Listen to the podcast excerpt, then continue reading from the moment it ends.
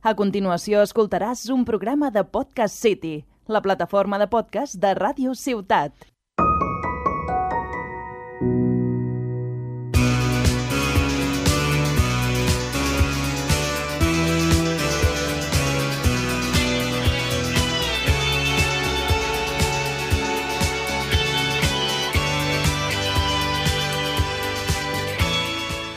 Benvinguts a un nou episodi del podcast Parlem del Nàstic. Avui parlarem sobre el partit contra la Real Valladolid Cadinense, el dur partit contra el Futbol Club Andorra i farem la prèvia contra el Betis Deportivo.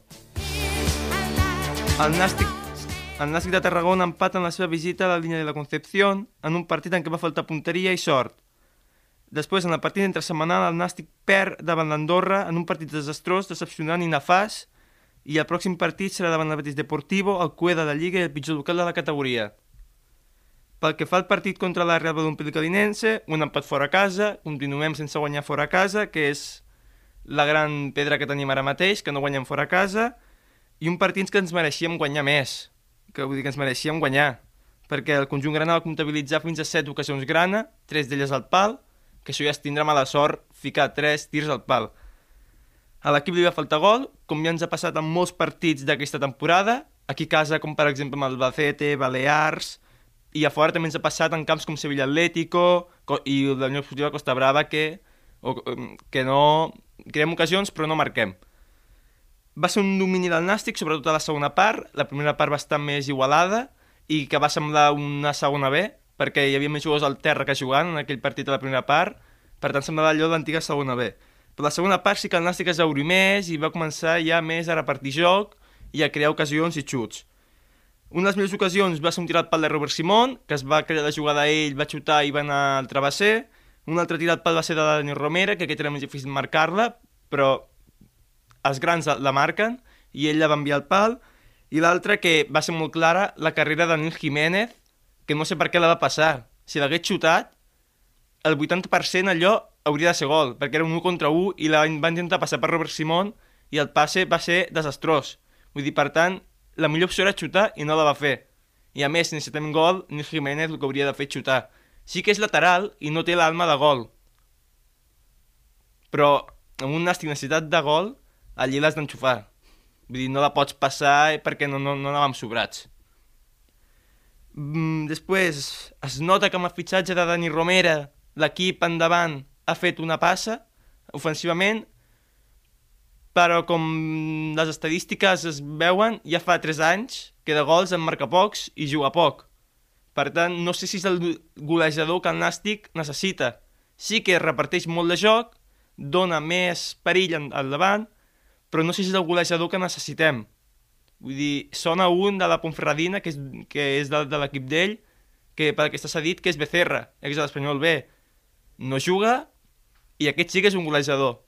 Per tant, podria ser un perfil que necessitarem més que Dani Romera. Elias Pérez, no fitxatge d'Extremadura, com ja va jugar amb l'Albacete, va tornar a jugar. A la primera part va fer una jugada molt bona, la primera part, que va ser un passe molt bo, però després va acabar amb res, però va, va, va fer una jugada molt bona i, va mar i quasi que marca i dona una assistència, però bueno, el, va fer molt bon partit Elias Pérez una primera part que, com he dit abans, hi havia més jugadors, més jugadors al terra i que en, vull dir, que en joc, vull dir, cada rato el partit estava parant. I la primera lesió, la dolenta notícia que es lesiona Carlos Albarran, encara no sabem la progressió de la lesió, sí que va enviar un comunicat, un comunicat mèdic al Nàstic ahir dimecres, però la seva, diguéssim, no, no se sap encara el que tardaran a, la lesió, perquè tot marcarà depèn de la seva evolució de com vagi, no es pot saber. El plantejament de Raúl Agné va ser correcte en aquell partit, però tres canvis només. Tenint jornada entre setmanal, hagués tingut que fer algun canvi més, per, perquè diumenge tens un altre partit. Vull dir, has de repartir una mica els jugadors i no sempre utilitzar una mica els mateixos. Al minut 75 va entrar Pedro Martín, ningú s'esperava, va entrar. Tota la gent preveia que podien ser els seus últims 15 minuts aquí al Nàstic, però finalment no ha sigut així i no va fer res aquests 15 minuts tampoc per dir no és el Pedro Martín que necessitem. Vull dir, no va fer tampoc res d'altre món. Per tant, el resum que li podem treure, un partit amb domini, amb ocasions, però de sempre. Arribem a porteria i se'ns fica allí un vidre o alguna que no podem marcar. Que és el que ens ha passat a molts partits. I ara pel que fa al partit contra l'Andorra. Aquí no sé per on començar. Vull dir, m'he d'estar uns minuts pensant perquè això d'aquí no, no, no té sentit el partit tan, tan nefast, tan decepcionant i tan desastrós que van fer. Pots perdre. Perquè a més l'Andorra és un equip que li té diners, que té Piqué allí, que té Saràbia, que té una molt bona plantilla, però perdre de, de la manera que ho van fer està prohibit per la manera que ho van fer. Vull dir, un dimecres a les 7 de la tarda, entre setmanal, feia fred, vull dir, eren angustipar-se allí. Vull dir, perquè no feies res. Un partit per oblidar. Començant per l'alineació. Com he dit abans, Carlos Albarrán es va lesionar, no optes pel tu lateral dret de confiança, però no fiquis un lateral esquerre, al lateral dret.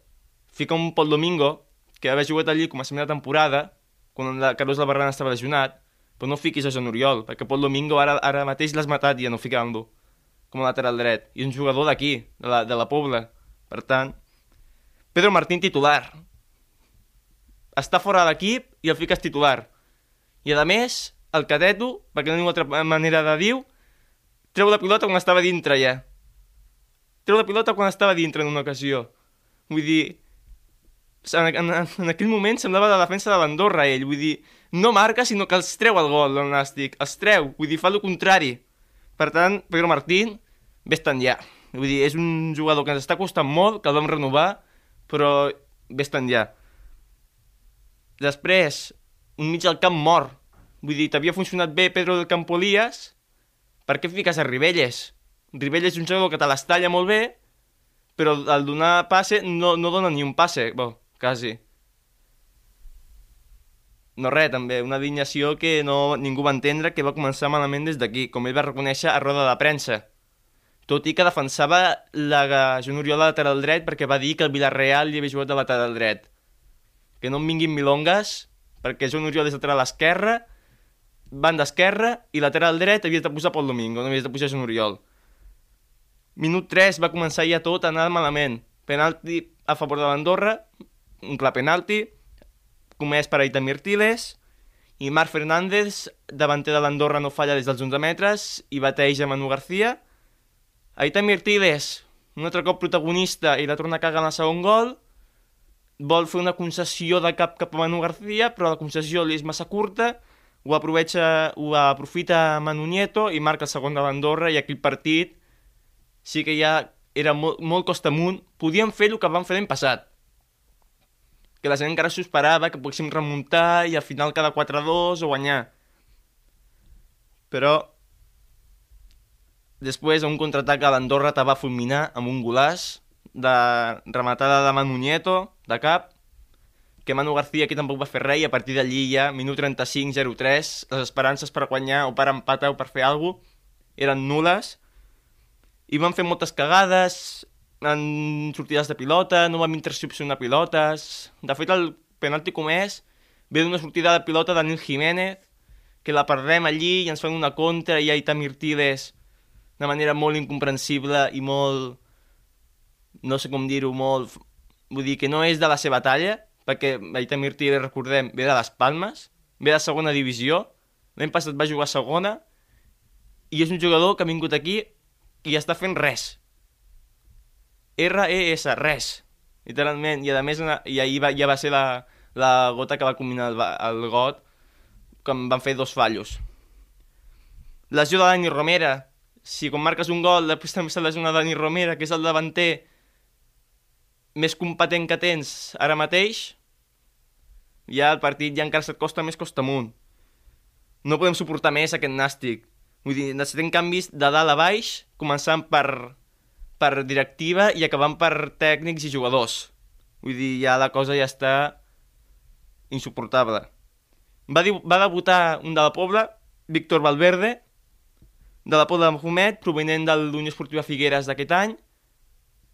Va debutar un de la Pobla, correcte.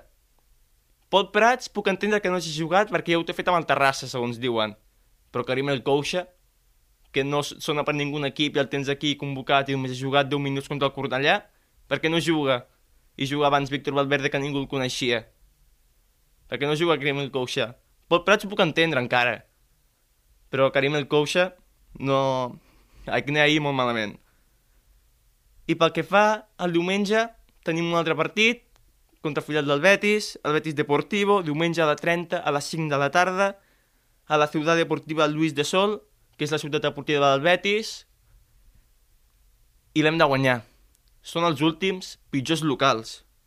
Van amb 11 punts. Han guanyat 3 partits, només dos a casa, davant Luca Múrcia i el Costa Brava. Com no guanyem, ja allí ja la que es pot liar com no guanyem en aquell partit ja pot ser molt desastrós. En el partit entre setmanal que vam fer també vam, vam perdut contra el San Fernando per la mínima, 1 a 0, i a la primera volta, que ja l'hem acabat, el van guanyar, els van guanyar aquí a casa 2 a 0, amb gols d'Edgar Hernández i Bonilla, dos jugadors que ara Edgar Hernández està lesionat, i Bonilla que està ara com si no estigués perquè no està fent res. Un partit que a priori és fàcil a priori, però sent el nàstic i jugant fora a casa, i tal com estem ara, podem perdre sense, vull dir, podem perdre, vull dir, deixem-ho aquí. No sembla confiar. Una... Ells han guanyat fora un partit, nosaltres no. La primera, la primera gran diferència. Nosaltres som el pitjor visitant, ells van guanyar allí al camp del Barça B. Pel que fa a la possible alineació, Manu García, titular, el Barran no estarà, ficaria Quintanilla, i Pol Domingo, no, Quintanilla i, i Trilles, Pol Domingo lateral dret, lateral esquerre Joan Oriol, al mig del camp ficaria Elias, Pedro El Campo, Robert Simón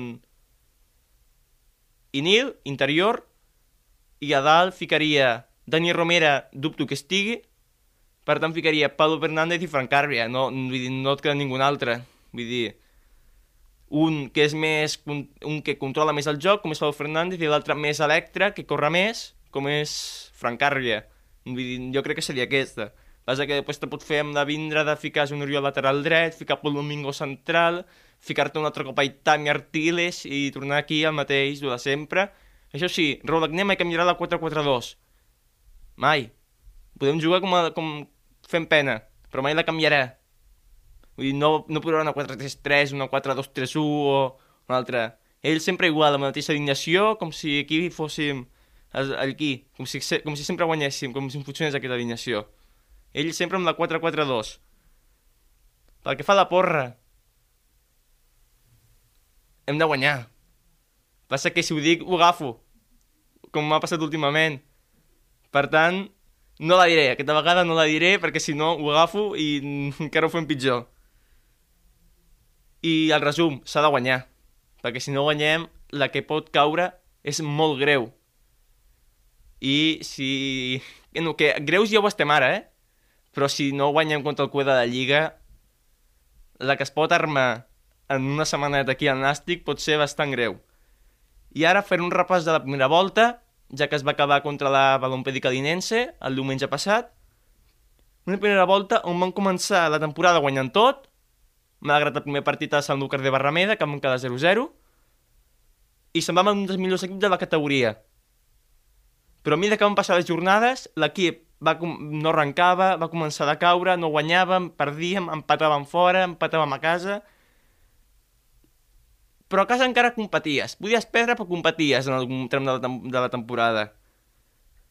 No sé si era per confiança que perdíem o per alguna raó que no trobem, que era per, com per exemple que no trobem gol, però no hi ha una manera ni de marcar ni de guanyar. I per posar una nota a la primera volta del Nàstic, a mi m'agrada posar notes, però li he de posar un suspens. Vull dir, ha sigut una primera volta molt decepcionant. Anem dotzens a la classificació, sense guanyar fora a casa i costant-nos un món marcar un gol. I a més guanyar. Anem, estem a dos punts per sobre l'ascens.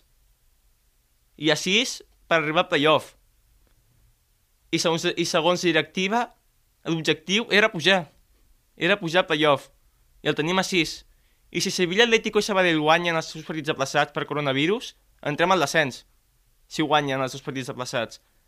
Vull dir, podem, hem d'estar rasant el Sevilla, Atlético i Sabadell que no guanyin, perquè com guanyin estem, estem al descens. D'aquí dues setmanes podem estar al descens. I l'objectiu, torno a recordar, que era estar dalt, eh? I en els últims 11 partits, de 33 punts que podíem treure, n'hem tret 8. Això són dades pels que defenen a, els, els, pels andreuistes, pels fabreguistes i, pels, i podem dir pels, de, pels agnanistes. Eh? Pels que defenen a Raúl Agné, que sí, que està fent molt bona feina, menys el partit d'ahir a Andorra. És una cosa, el futbol, es, el futbol es guanya per gols, no per ocasions. Tu en un partit pots xutar 20 vegades, però si d'aquestes 20 falles totes, en canvi si t'arriben un cop i et claven una, no sabeix per res aquelles 20 ocasions. Per tant, des d'aquí vull que el pròxim partit, que sigui casa contra el Real Madrid-Castilla, tota la gent cridi directiva a dimissió. Vull dir, eh, començant per Lluís Fàbregas i Josep Maria Andreu. Ja no poden estar aquí, ja se'ns ha acabat, diguéssim, estar allà de la poltrona, el nàstic, prou. Vull dir, dimissió, dimitiu, ja per... Vull dir, vull dir ja per respecte, vull dir, per, per decisió pròpia. Perquè no us hagin de dir dimitiu, perquè ja no... Aquí ja no hi trobo remei, ja. En... I després Raúl Agné. Vull dir... Vés-te'n. Vull dir, no... No hi ha més. Vull dir, ja portes unes quantes jornades que no, a l'equip no arranca. Que potser no és culpa teva, però jo crec que sí. Perquè al final els que marquen gols són els davanters i els jugadors, no tu. Però és que no has demostrat res aquí. Vull dir, sempre estàs amb el mateix, que si mateixa alineació, que, ens, que si ens mereixíem guanyar, que si hem fet un partit molt dolent, però que sempre estem amb el mateix. Per tant, en resum, directiva i dimissió, cos tècnic dimissió i també alguns jugadors. Alguns jugadors, per mi, haurien d'estar fora. Donaré dos exemples. Pedro Martín, ha d'estar fora Pedro Martín. Aeta Mirtile és fora, és un Lopo 2.0. Han vingut aquí, diguéssim, que són, eren d'èlit, han vingut aquí una mica pues, perquè la gent es cregui que és bona. Però no. Des d'aquí, pues, només dic això. Directiva de dimissió, ho torno a repetir. Així no podem seguir més. Per tant, gràcies per escoltar-nos aquí al podcast Parlem del Nàstic.